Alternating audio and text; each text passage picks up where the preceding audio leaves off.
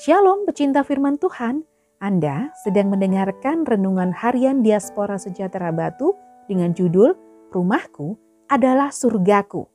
Bacaannya dari kejadian 2 ayat 8 sampai 14. Manusia dan Taman Eden Selanjutnya Tuhan Allah membuat taman di Eden, di sebelah timur.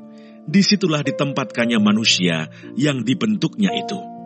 Lalu Tuhan Allah menumbuhkan berbagai-bagai pohon dari bumi yang menarik dan yang baik untuk dimakan buahnya. Dan pohon kehidupan di tengah-tengah taman itu, serta pohon pengetahuan tentang yang baik dan yang jahat. Ada suatu sungai mengalir dari Eden untuk membasahi taman itu. Dan dari situ sungai itu terbagi menjadi empat cabang. Yang pertama namanya Pison, yakni yang mengalir mengelilingi seluruh tanah Hawila, tempat emas ada dan emas dari negeri itu baik. Di sana ada damar bedolah dan batu krisopras. Nama sungai yang kedua ialah Gihon, yakni yang mengalir mengelilingi seluruh tanah Kus. Nama sungai yang ketiga ialah Tigris, yakni yang mengalir di sebelah timur Asyur, dan sungai yang keempat ialah Efrat.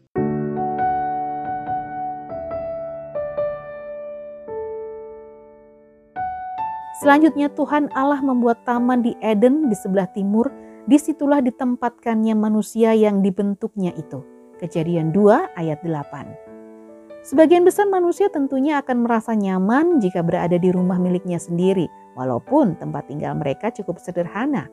Mahal dan mewahnya bangunan rumahnya tidak menjadi ukuran untuk mendapatkan kenyamanan yang mengalir dalam hatinya. Maka tidaklah mengherankan jika manusia selalu berusaha pulang kembali ke rumahnya setelah seharian bekerja atau bepergian. Tidak peduli, tidak peduli meski jarak rumahnya itu cukup jauh dari tempatnya beraktivitas. Ingatlah, manusia adalah ciptaan yang istimewa. Manusia juga diciptakan dengan tujuan untuk menjadi wakil Allah di bumi. Karena alasan itulah Allah membuat suatu tempat yang akan menjadi tempat tinggal bagi manusia, tempat di mana manusia bisa beristirahat setelah melakukan seluruh pekerjaannya.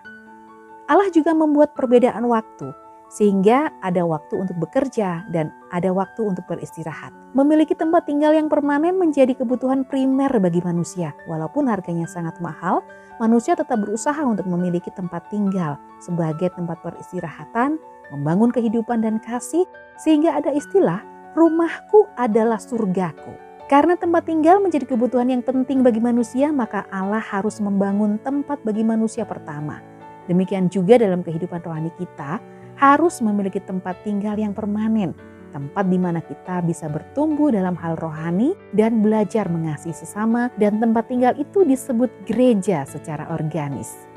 Jadilah orang percaya yang memiliki rumah rohani yang akan membangun iman kita kepada Tuhan, sebab di rumah itulah kebutuhan rohani kita akan dipenuhi.